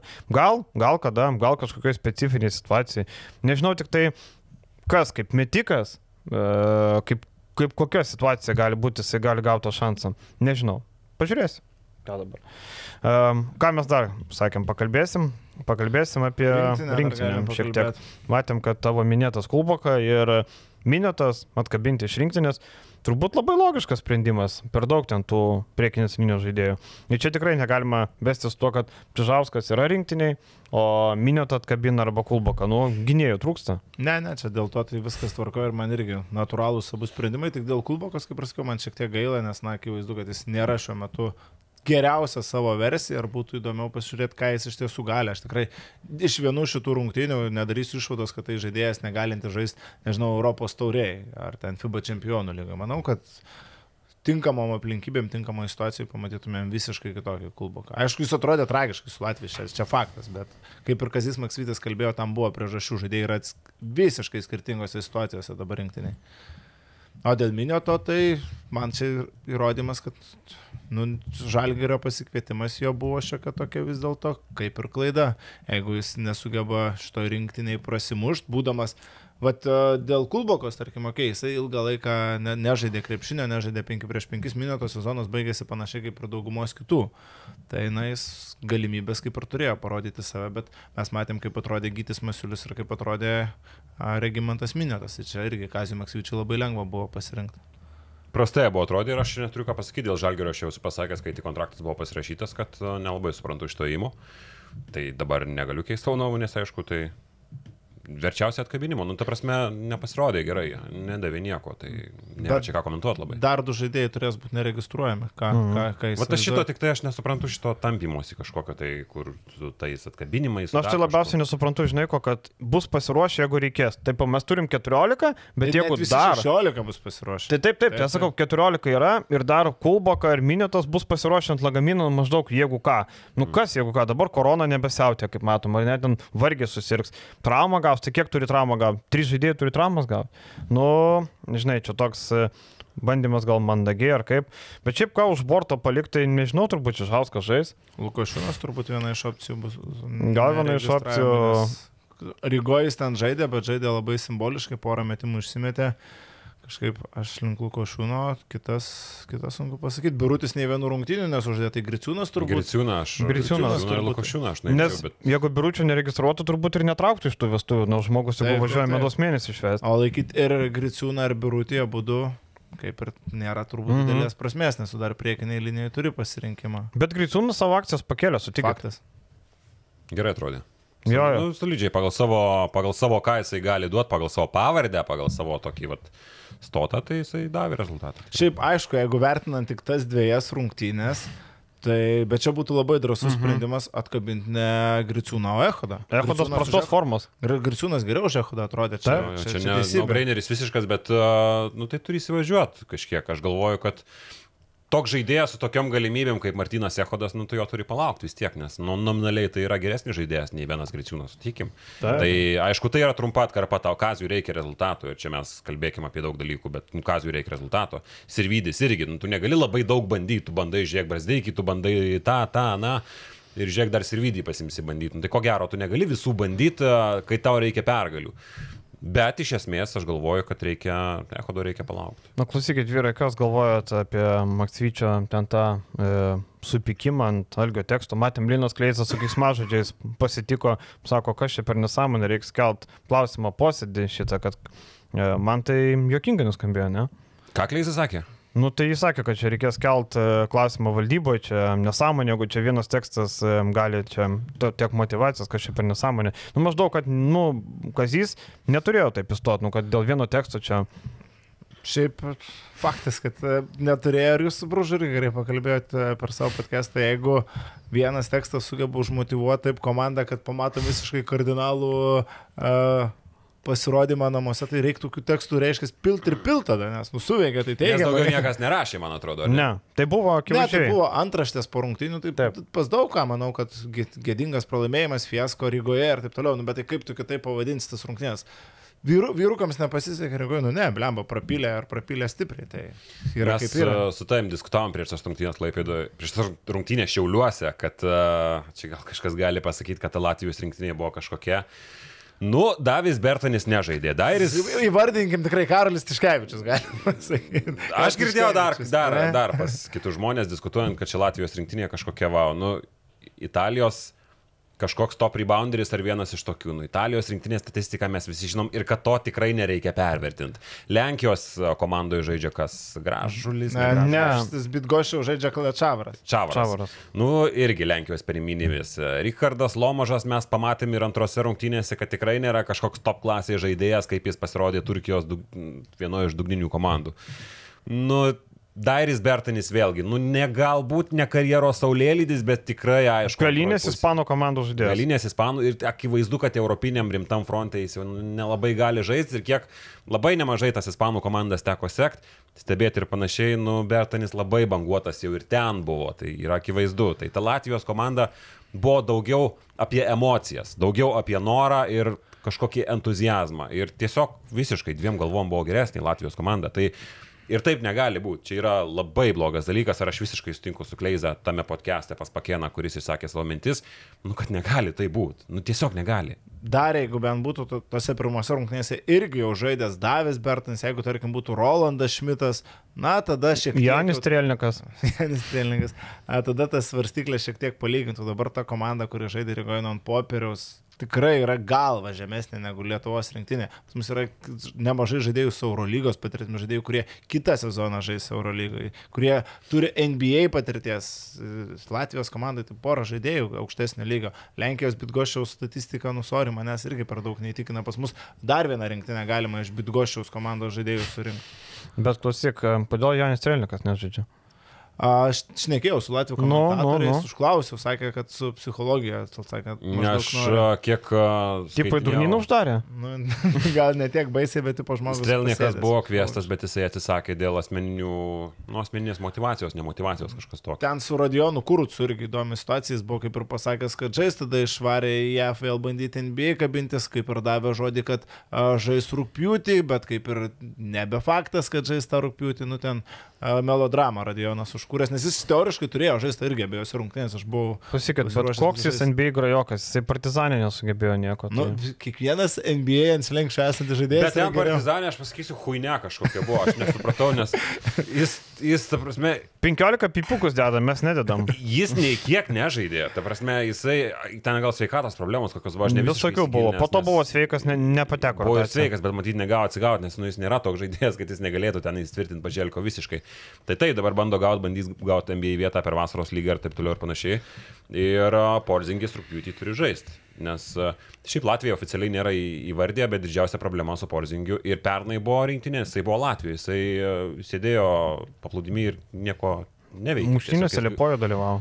Jo, Drakis. Nu, Ne pernai čia, bet kažkada. Kažkada jos dalyvavo, mm. bet e, didžiausia problema yra draudimas. Pas, pas Porzingį ir Latvijai negali, negali tiek pinigų dėti ant stalo dėl Porzingio, dėl tokių, ypatingai praeitą vasarą dėl tų menkaverčių prekvalifikacinių rungtynių ir jo labiau, nu ne jo labiau, bet dabar. Tai pasirinko vieną langą ir tas langas, aišku, yra paskutinės tos rungtynės. Bet klausykit, Žalgeris žlugdo žmonių psichologiją.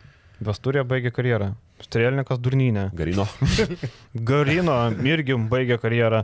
Nublemba, aš jau bijau pagalvoti, kas Websterio laukia. Nors šiaip pozityv Ne, gali. nemanau, kad Web- Webst- Websteris galėtų subirėti psichologiškai. Čia Žalgiris po Websterio galėjo subirėti psichologiškai. Bet e, jo, baigiant apie rinktinės, dar pakalbėsim apie Nigelą Heisą, būtinai reikia užkabinti. Jeigu Žalgerį neužkabinį, Kalbėsim, niekas podcast'o nežiūri. Apie Eurolygos. Neturim, užteks tiek apie laiko. žalgerį davai. E, dar vienas dalykas, mes su jumis vyrai pakalbėjome, bet turbūt žiūrovom irgi įdomu, žinokit, šį šeštadienį prasideda U17 pasaulio čempionatas. Ar jūs žinojote apie tai, kol aš jums nepasakiau? Tie, kurie domisi jaunimo krepšinio, žinojo, bet tie, kurie seka spaudą, sunkiai žinojo. Buvau girdėjęs anksčiau, bet... Nes TV3 buvau rodys. girdėjęs. Aš žinojau to. tik iš to, nes praverčiau, yra tas planning listas pas mus komentavimo ir tai praverčiau, kas, kas bus toliau ir žiūriu, o 17, geras, nebuvau žinojęs. Tai Tik iš ten. Man va įdomu, tegul žiūrovai mūsų irgi parašo komentaruose, kiek žmonių va dabar, va šią akimirką sužinojo, kad prasideda pasaulio 17 čempionatas ir kur ir bus galima žiūrėti Lietuvoje tiesiogiai. Šiaip e, vasarą jaunimo čempionatas sulaukia daug dėmesio. Tarkim, mes, kai rašom gyvai rungtynės, viską, tai yra, na, tikrai sulaukia daug dėmesio. Dabar, tarkim, rinkinė išvažiavus į Ispaniją, kur įvyks čempionatas, žaidė draugišką turnyrą, pralaimėjo Ispanam 49-80, su Ispanai žaisim pirmą mačą čempionate. Tai nelabai nuteikia. Pralaimėjo amerikiečiam, ten berots 11-12 taškų. Tai pa- pasibaigė taip. em, Sąrašas yra mūsų krepšinio puslapį, kokią komandą, bet nei apie draugiškas, nei apie nieką, nie žodžio nebuvo.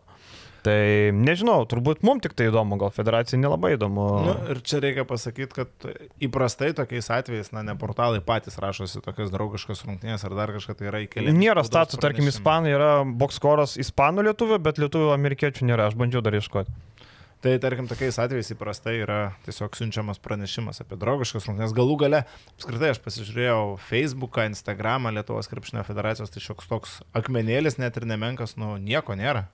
Yra apie 3 prieš 3, kas yra fainai, yra apie rinktinės daug. Kaip tu bet- galvoji, kuo aš dabar komentuosiu rungtynės Lietuvos rinktinės, nes jau tu šitaip, jeigu kalbėtai, tai ką jie tu tavęs man duos?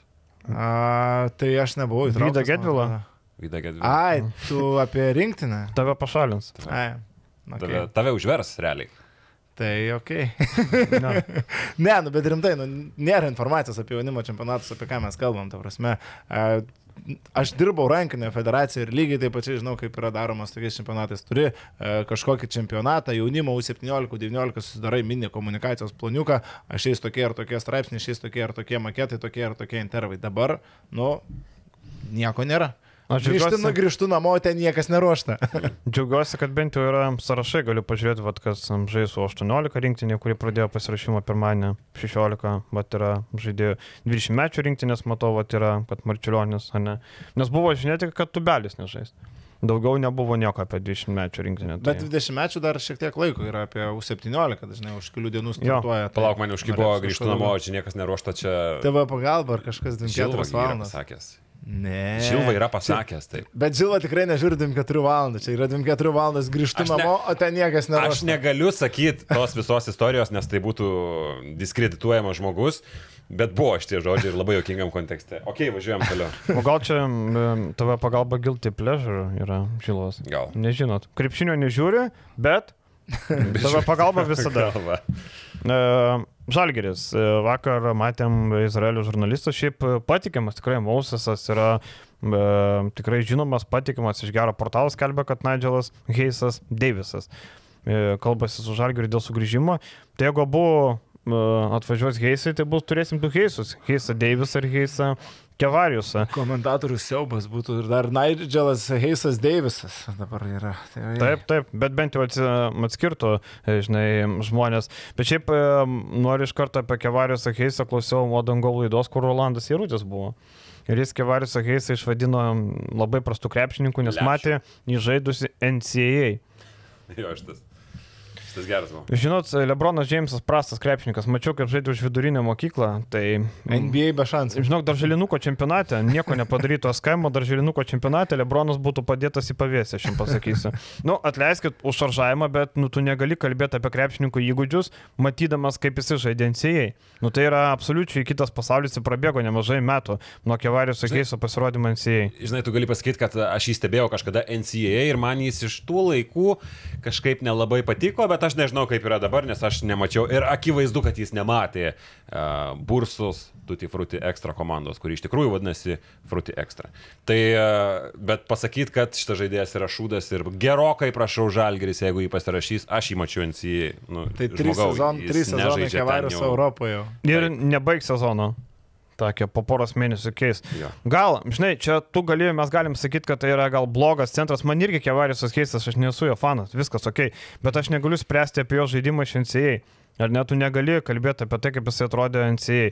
Trijų metų Europoje kantų jisai atrodė gerai, iš kantų jisai iškeliavo į Svelį, tai buvo tas pirkinys, kur, atsimenu, mes dar kalbėjome, sakau, čia toks šaro stilius, pirkti tokius žaidėjus, kurie augantis yra, mirštų žemesnių Šiaip lygų. hypas buvo apie jį, kai jis asvelė atėjo, Le mobilus labai aukštūgis, kuris gali keistis ir aš atsimenu. Bet labai galvoju, galvoju sudėgė tais metais, kai Variusas Keisas vėliau perėjo į Turkiją ir Turkija. Palauk, atrodė- durnyną buvo uždarytas. Ir Turkijoje labai solidžiai atrodė, bet, e, nu, tai Europos lyga, aš matęs jų ketverias rungtynės Bursos komandos Europos taurėje ir, ir tikrai labai solidžiai atrodė ir gynyboje labai mobilus ir viskas polimėjais gyvena labiau iš savęs, jis neturi tokio individualaus talento, nu, kaip ir daugelis centrų, tik tai išskirtiniais atvejais. Bet uh, Eurolyga, aš vėlgi galvoju, kad tai yra nu, visai kitas lygis, visai kitoks žvėris ir Žalgerio idėja yra aiški, tiesiog orientuotis į gynėjų grandį, orientuotis į tos žmonės, kurie tau tiesiog Pinigus dar. ir, ir pinigus taupys ir viskas. Tai galutinį paveikslą aš nei, nei, nei nurašau, nei aš pritariu. Aš galutinį paveikslą aš matysiu, kai bus sudėliota gynėjų grandis, kas ir buvo matyti pernai iš tikrųjų. Ir kai bus sudėliota ir priekinė linija, nes ir priekinė linija man šiuo metu kelia daug klausimų, atrodytų, yra, ai, būtų aiškios pozicijos, va čia trūksta tokio žaidėjo, tokio žaidėjo ir tokio žaidėjo. Dabar mes kol kas nelabai galim pasakyti, mes nežinom Džofrį Laverno situacijos, čia dar vienas įdomus momentas. Visi po sezono mes jau jį nukatinom, kad jo tikrai nebus dabar. A, yra visiška tyla, jis iš esmės turi pliusą ir girdisi kalbas, kad nelabai jo kažkas nori iš Eurolygos komandų ir jis gali tą pliusą aktyvuoti ir pasilikti žalgyrį, kad būtų testinumas žalgyrio anksčiau padarytos klaidos įteikiant jam tą kontraktą, nes jeigu Lovernas ir toliau lieka ir toliau yra vienas brangiausių komandos žaidėjų, nu, sorry, ir tada tu turi vėl priekiniai linijoje Loverną, Birutį ir... Bet jis nelabai gali likti, panašu, kad Paulius Motyvūnas yra įstikinęs, kad jis išvažiuos, kadangi nu, tu negali turėti Biručio ir Heiso, kai tu jau plus išdeklaravai, kad Birutis yra antras komandos centras, tai akivaizdu, kad Lovernas kažkur tai mauna. Arba gal e, vyksta dėryba dėl pliuso nutraukimo sumokant minimalų atlyginimą. Kompensaciją. kažkokią. Kompensacija, taip, Mhm. kokį 50 gal atsekti. Ten. Sutikčiau, jau geriau atsek 50 negu mokėti visą Jo, sezoną jam. jo, jo. laikyt, Ir čia, absurdas. ir čia prisiminkim tą sprendimą, priėmė Matijūnas, e, pats sugalvojo, atėjo, prasitėsi, turėkit. Ožiai, kaip sakant, vat, turėkit, turėkit, vat, pastatėm, turim Laverną ir darykit, ką norit. Ir paskui Gagičius į LKL finaluose kaip šilta Vilna, pusfinaliuose. Taip, iki finalo nedėjo. Ne. Uh, Nigelas Heisas, Deivisas. Man šiaip tie gandai atrodo tokie, nežinau, aš ką ir pažymėjau, Mausesas yra tikrai patikimas, viskas gerai, bet man čia nesiriša galai. Ar ne? Mum, uh, Žalgeris uh, nori pirkti ketvirtą numerį, kuris gali žaisti centru ir kuris bus na, geras polime. Na, nes, nebu, nu, nes priekinė linija nebėkam taškų rinkti, nei Birutis, nei Kevariusas, ne tas žaidėjas. Tai jeigu tu nuperki Nigelą Heisą, kuris yra labiau ketvirtas, trečias, negu ketvirtas, penktas, nu tikrai ne penktas. Ir jis nėra palimo žmogus, nu koks Heisas palimo žmogus. Tai, nu man kažkaip nežinau, kažkaip kryvai atrodo. Ir Heisas esmė yra ta, kad tu negali pirkti, ką mes ir kalbėjom čia, tai tu negali pirkti kaip nominalaus ketvirto numerio, nes jis nėra toks, jis yra labiau trečias numeris, kuris lenkasi į ketvirtą poziciją, kaip kad kartais daro Gabrielis Dekas koks nors. Tai tokia būtų analogija. Pirmas sezonas iš pradžių buvo perkamas kaip ketvirtas numeris Žalgirį ir vėliau jis buvo perstumtas į trečią numerio poziciją ir paskui Šileris lygiai taip pačiai Brūžas pasiūlė Šileriui. Perstuminėjo į trečią numerio poziciją, tai iš esmės nu, jis buvo tas ketvirtas numeris, bet faktas, sutinku, kad tai yra labiau ketvirtas trečias negu ketvirtas penktas, apie tai net kalbos nėra. Ir kai tu turi jau Ulanovą, kuris trečias yra pagrindinis, ir tu neturi aiškaus ketvirto, nu man čia irgi nes, nes, nu, nesiklijuoja. Juolab, kad jeigu neteina Butkevičius, tada vėl, kaip ir viskas tvarkoja, tu turi Ulanovą ir turi Heisą trečiojo pozicijoje, kuris dar gal, gali žaisti ir ketvirto. Vėl, kaip ir viskas tvarkoja, nes tada imsi dar vieną ketvirtą, reiškia. Bet jeigu yra ir Butkevičius, ir Ulanovas, ir tu dar pasiimi Heisą, turi tris gana panašaus profilio žaidėjus, kurie tau nelabai ką daug gali duoti polime arba labai panašius dalykus, neturi stabilaus metimo nei vienas iš trijų ir yra gynybinio plano žaidėjai. Tai kažkam taškus irgi reikės rinkti. Aš noriu pasakyti, dar aplink Žalgeris klando kelios pavardės, kurios na, nėra patvirtintos, tai yra e, tos pavardės iš tokių įdomių žmonių, kurie gal ne visada prieina, tai yra Johnny Bryantas, viena ta pavardė yra Johnny Bryantas. Šiaip Johnny Bryantas atitinka tą profilį, tai yra galintis rinkti taškus, ketvirtas numeris, kuris gali pažaisti centru. Bet e, tiek centrų, kiek, kiek Kevinų. Bet tas sezonas Korejai, ten tie išėjimai iš Cervenas Vesda komandos, nu, kaip žaidėjas jis man labai patinka. Prasme, aš atsimenu, kaip jisai startavo Belgrade, tai buvo... Vesdoje dar geras žaidėjas buvo, kai jisai vėliau po konfliktų išėjo. Taip, taip, bet tie visi konfliktai, nu, šiek tiek atbaida. Čia jau reiktų žalgiriui atlikti labai gerus namų darbus ir išsiaiškinti, kas pasiten galvoje dedasi. O kalbant apie Heisą, tai nėra tiek daug komandų, kur jeigu mes matom dabartinės sudėtis, kur yra kontraktai ir niekas nebus skatintas iki Liepos mėnesio, tai nėra tiek daug tų opcijų, kuris jisai gali eiti. Yra prancūzų komandos, yra serbų ir vokiečių komandos. Tai tokiu atveju, jeigu Žalgeris kartais kažkaip neturėtų būti. Prancūzų Monakas ne. Monakas ne. Bet uh, jo, Asvelis yra. Mhm. Jeigu jis neturėtų kur eiti, Žalgeris būtų gera opcija. Jeigu Žalgeris neturi būti Kevičius. O su Butkevičium irgi labai įdomu. E, ten yra taip, kad Žalgeris per mažai duoda pinigų. Arnas nori žaisti Žalgerį, Žalgeris nori Arno, bet e, per mažai pinigų. Grigoniui, Grigoniui irgi vis dar yra per mažai pinigų ir, ir, ir nėra, nėra pasirašytas joks dėl to kontraktas, nors darybos aktyviai vyksta. Bet gal Žalgiris iš dalies protingai daro, prasme, nesiuošia permokėti Butkevičius, nu kodėl Žalgiris turi permokėti Butkevičius. Jeigu tu turi uh, ir taip, ką padėti ant stalo, tu duodi Butkevičius ant stalo Eurolygą, tu duodi trenerį, jam gerai žinoma, ir duodi gana neblogą aišku vaidmenį komandai. Šiaip Todėl tu dar turi duoti ir daugiau pinigų, negu jis, tarkim, yra vertas rinkoje. Nu, gal protingai žaidžia čia žalį. Šiaip žinai, kas, e, man labai įdomu ta pati dėlionė, ne, tarkim, jeigu Arnas ne, tai gal Eigirdą paims, kuris irgi yra kandidatas. Eigirdas būtų pigesnis už Arną, net nereikėtų tų 20 ten duoti. Toliau, o gal vieto Arno Heisas matomas ir dar Johnny Bryantas, o gal koks nors Rolandas Šmitas, o gal koks nors e, Augustinas Rubitas, na, kuris prasidės su Barnu, nesvarbu, tai jau seniai žinoma. Tai nubliavo, vat man įdomi ta dėlionė, kaip žiūrima. Nes šiaip Žalgeris pagal idėją, jeigu paima Arną, paima ketvirtą, penktą, du gynėjus, turi penkis legionierius. Tai reiškia, galim turėti vieto Arno vėl legionierių, kad būtų šeši. Tai čia labai daug niuansų. Ignas Brasdeikai šitą miksą kažkur minimaliom teoriniam galimybėm irgi galbūt dar figuruoja. Jeigu jis ne, negauna kontrakto NBA, tai Žalgeris nu, turi purtyti kišenės, mano nuomonė. Bet kokiai roliai? Vat būtent, jeigu jau turi būti kevičių, tai vėl nežino, kokia yra. Ne, bet tu jau turi Ulanovą brangų, negali pirkti tą pačią poziciją du brangius žaidėjus. Gali stumdyti, ta prasme, čia jau Kazio Maksvyčio yra tada užduotis išnaudoti Ulanovą kažkiek kaip ketvirtą. Bet tu turėsi du minkštus ketvirtus. Ta prasme, du ketvirtus, kur vienas trečias, o kitas ketvirtas toks tai vieną, metikas. Vieną ketvirtą tikrą turėsi dar nepamiršk. Vis tiek imsi kažką į ketvirtą poziciją. Su trim ketvirtom nublemba, manau. Ne, kad... tai Ulanovas yra du treti Ulanovas ir Brasdeikas. No. Turi uh, Kavano ir pasiimi, tarkim, tikrą ketvirtą, kad ir uh, Johnny O'Brien. No. Ir tada kars nuo karto dar permetinė Ulanovą į ketvirtą. Ta pati Brasdeikai galbūt kažkiek penkiom minutėm uh, gali antrų numerių pabandyti, gali nu, įvairių modelių yra, čia tikrai nėra taip, kad neįmanomas. Yra, yra. Ulanovo ir Brasdeikio vienoje komandoje. Bet tu žinai, kas būna, kai pradeda stumti žaidėjas ne per savo pozicijas. Būna, nesakysiu, koks mažodžia, bet supratot, kas būna. Bet tai nebūtų didelis, mes. Vyriškas 20, organas. 20 minučių Lanovas ir Brasdeikas. Nu, tai bet bus vyriškas organas, jeigu stumdys per tas, kurie ne, nepatogiai. Falą, viskas su to falu yra gerai, falas olimpijakose gerai. Gal jūsų falą paims? Ar gal jūsų falas? ne.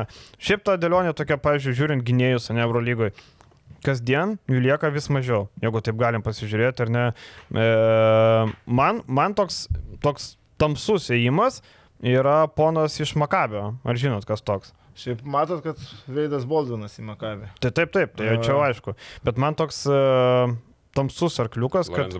Ne, Kinas Evansas. A, Evansas Laisas, kuris jo tik dabar supratau. Ten yra pliusas, kurio gali neaktyvuoti ir pagal visą dėlionę, ką nusipirko Makabės, tai yra Hillardas, Hollinsas, uh, Lorenzo Braunas ir Baldvinas, nu nebėra vietos um, Kinano Evansui. Nebėra Ne, vietos. Epizodinė, bet ko gero nes, ne, nebus iš jos, uh, iš, iš jo epizodinis kažkoks žaidėjas, tai jis turėtų. Tai va. Tepslidas. Tai Žalgiris turi mesti. Pernai jam jiegi norėjo. Tai Žalgiris turi mesti visus tinklus ant Kinano Evansą. Sutinku, Man šiuo metu geriausia opcija. Šiaip Makabė tai toks vaizdas, kad a, apskritai dėlioja dvi, dvi komandas naujam sezonui, nu kosmosas. Bet šiaip iš, iš gerosios pusės kosmosas su, su tokia perimetro linija, aišku, kaip jos visus talpin komandai su tokiais charakteriais kaip Baldvinas, nu, bus labai... įdomu. Nanalį. Nanali, Baldvinas. Pasipliusas, ne, jisai bus skatintas. A, jis bus skatintas. Taip, taip, bus skatintas. Nanaly bus skatintas. Nanailį. Bus skatintas, taip. Tai Bet, gerai, tai Reynoldsas irgi palauk išėjai. Ai, buvo irgi plėtko, kad jisai išėjai. bet turi kontraktą, tai man atrodo, kol kas jam Potrės nusipirko kaip ketvirtą numerį. E, tai gal liks? Bet tai žiūrėk, tada tokia atveju seniai geri banko plėšikai, Baldvinas ir Reynoldsas. Puikiai pastebėto, kolega. Gal kartu. Taip. Trūksta tik Izraely trinkierė. Bankų nemažai. Izraelį bankų yra. Teks trinkierė atskristi, kad galėtų kartu prisidėti prie banko plėšiko.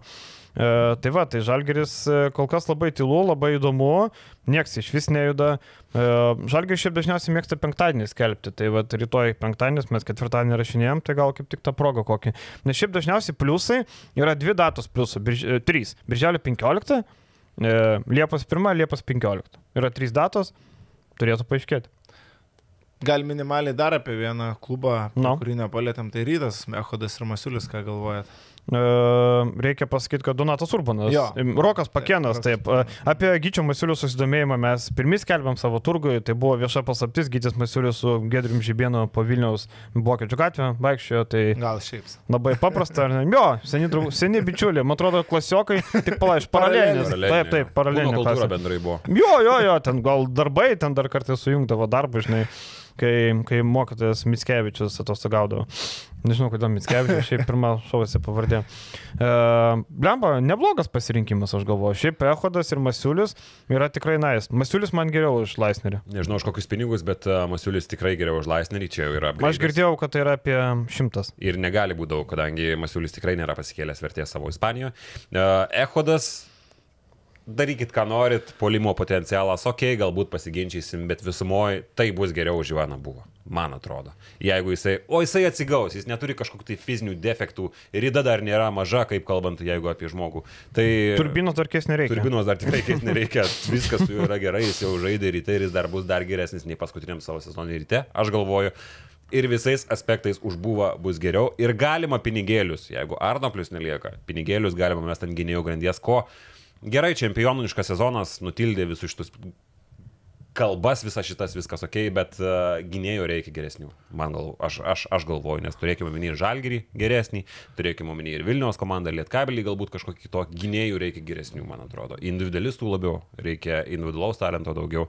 Tai tuos pinigėlius galima tikrai mest daugiau gynėjų. Nei kad turėt kažkokią tai problemą su Ivanu buvo ir, ir, ir permokytais kitais žaidėjais. Bet šiaip patraukli komanda, atrodo, aš dabar tai pagalvojau, lieka Normantas, lieka Radzevičius, Masiulis, Ehodas, toks tvirtas lietuvių brandolys, dar nežinom dėl Vaido Kariniausko, bet tai yra komanda, klubas aplink lietuvių brandolys, aplink kurį Realiai- gali, tas pats Lukas Uleckas galų gale, aplink kurį tu gali a, klijuoti legionierius ir gauti visai neblogą rezultatą. aš galvoju. Realiai Vlado Garasto svajonė. Turi būti tik lietuviai žaisti. Tai Vladas Garastas, aš manau, kad didžiuojas. Pydį dabar.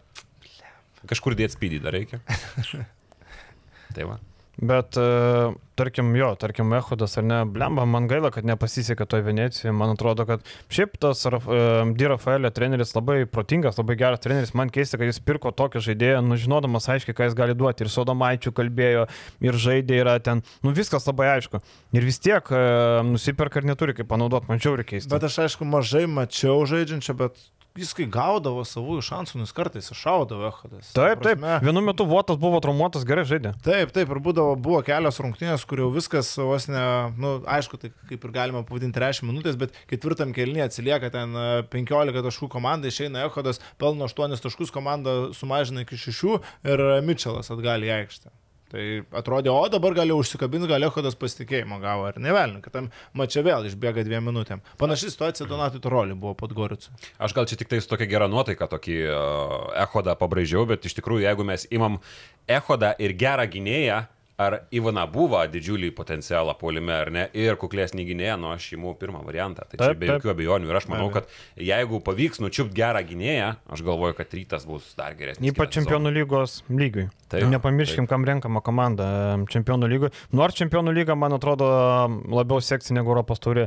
Kur yra logika Tel Avivo HPL dėti pirmą krepšelį? Nu, jūs man aš irgi paaiškinkit. nustebau. Su Badalonu Žuventudu kartu. Nu. Nu, Žuventudas viskas ok, praėjusį sezoną liko pirmas, uh, be A grupėje, palauk, žaidė A grupės lietuvių. Tai, tai daug ką irgi, nu, ok, pirmas krepšelis, bet Tel Avivos, kodėl? Bet žiūrėkit, dar vienas dalykas. Ar rytas pasirinkęs FIBA čempionų lygą dabar yra nepralošę šitoje situacijoje? Tu žaistum Europ, tokio Europos tauriai, kur rytas gerai susikomplektavęs galėtų kovoti teoriškai dėl kažko, ypač prie dabartinės sistemos. Bet pinigų ten nėra tiek, kiek čempionų lygoje. aš Bet tu galvoju, kad turi čia dabartinė perspektyva tu yra tolumo- žingsnis. Taip, aš irgi. tikslą, jeigu Bursos klubas sugeba nueiti iki finalo, tu turi tą mažą šansą. Bet dabar jie žaidžia paėgesniujam turnyrė žais. Bet tu turi šansą išeiti į Eurolygą. Nedidelį, bet turi. Mm. Surink gerą komandą, pataikyk. Uh, Playoffai vienas mačas. Su- Bet ar tu manai, kad rytas galėtų pataikyti laimėti Europos taurę? Bet tai yra šansas. Galėtų. Kodėl ne? Kiek, uh, galbūt net vienas iš...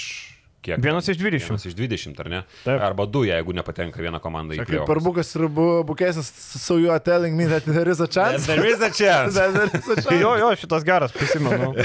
tai va, bet, uh, nu, lemva, ne, nu, aš, žinok, užsidirb pinigėlio, pakovo dėl to, nu, taip, tu dėl nieko realiai nekovoji, iš esmės tik dėl pinigo, ne?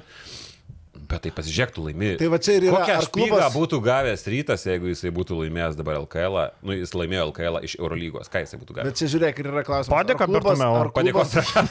Ar klubas turi ambicijų kažkada vėl tapti elitiniu? Ar neturi? Jeigu neturi, tada... Na, Jeigu okei, Eurocapą čia- panaikina ir em, čempionų lygoje žaidžia, tai vėl turi. Aš manau, kad toks klubas kaip Rytas, istorinis e, Europos taurės ir Eurolygos organizacijoje turintis, nu, didelės šaknis, jis bet kada galės grįžti. Nu, man tai atrodo, po aš- kontrakto, po dar kažko jisai bet kada galės. Dabar palauk čia, uždirb pinigų, pažiūrėt, kaip Europos tu visa ten užsidirbsi, tai išleisi kitą sezoną. Čia ne, ne apie Bet ta prasme, kad. Tai ten nesėdėt iš- skolose. Ten iš vis nieko neuždirbi. Nu. Padėkos raštą Bertomeu būtų Taip. Atsiuntęs pasveikinus su pirmą vietą. Tiek aš noriu pasakyti, kitais metais aš ryto vietoje, jeigu taip ant svarstyklių pasirink, kuriam, kurioje lygoje žaist, aš rinkčiausi Europos taurę. Nes Adomas Timavičius. Šiauliuose per pertrauką daugiau gavo su padėkos raštu ir ženkleliu, nei kad ryto komanda gauna už Europos taurę. Supratai? Bet tu turi šansą. Tu turi šansą. Ai, nežinau. Nu, Koks ten šansas? Aš galvoju, chebra? kad lygis dabar bus, galėsim vėl lyginti. Čempionų Ne, lyga. Čempionų lyga dabar yra stipresnė. Čia turbūt. Taip, e, taip, taip, taip. Čia dabar išsipirksiu, kad nenuimtų manęs nuo, nuo komentavimo, žiūrėkit, tu 17 čempionatą. me, me, mes, mes šiaip gerą darbą padarėm, pareklamavom. Bet nuo atkrintamųjų turbūt jeigu tavęs neužvers, bus gerai labai. Bet nuo atkrintamųjų rodys, ne? Nuo, nuo pliofų. Nuo tai. Tai kol kas YouTube pasitenkinti. Krepšinis net portale žiūrėkit. E, Gyvai. Žiūrėkit, jo, o po to atkrintamasis galima bus ten žiūrėti. Gerai, viskas. Ačiū visiems. Pasimatom kitą mėnesį. Iki. Ta. Iki.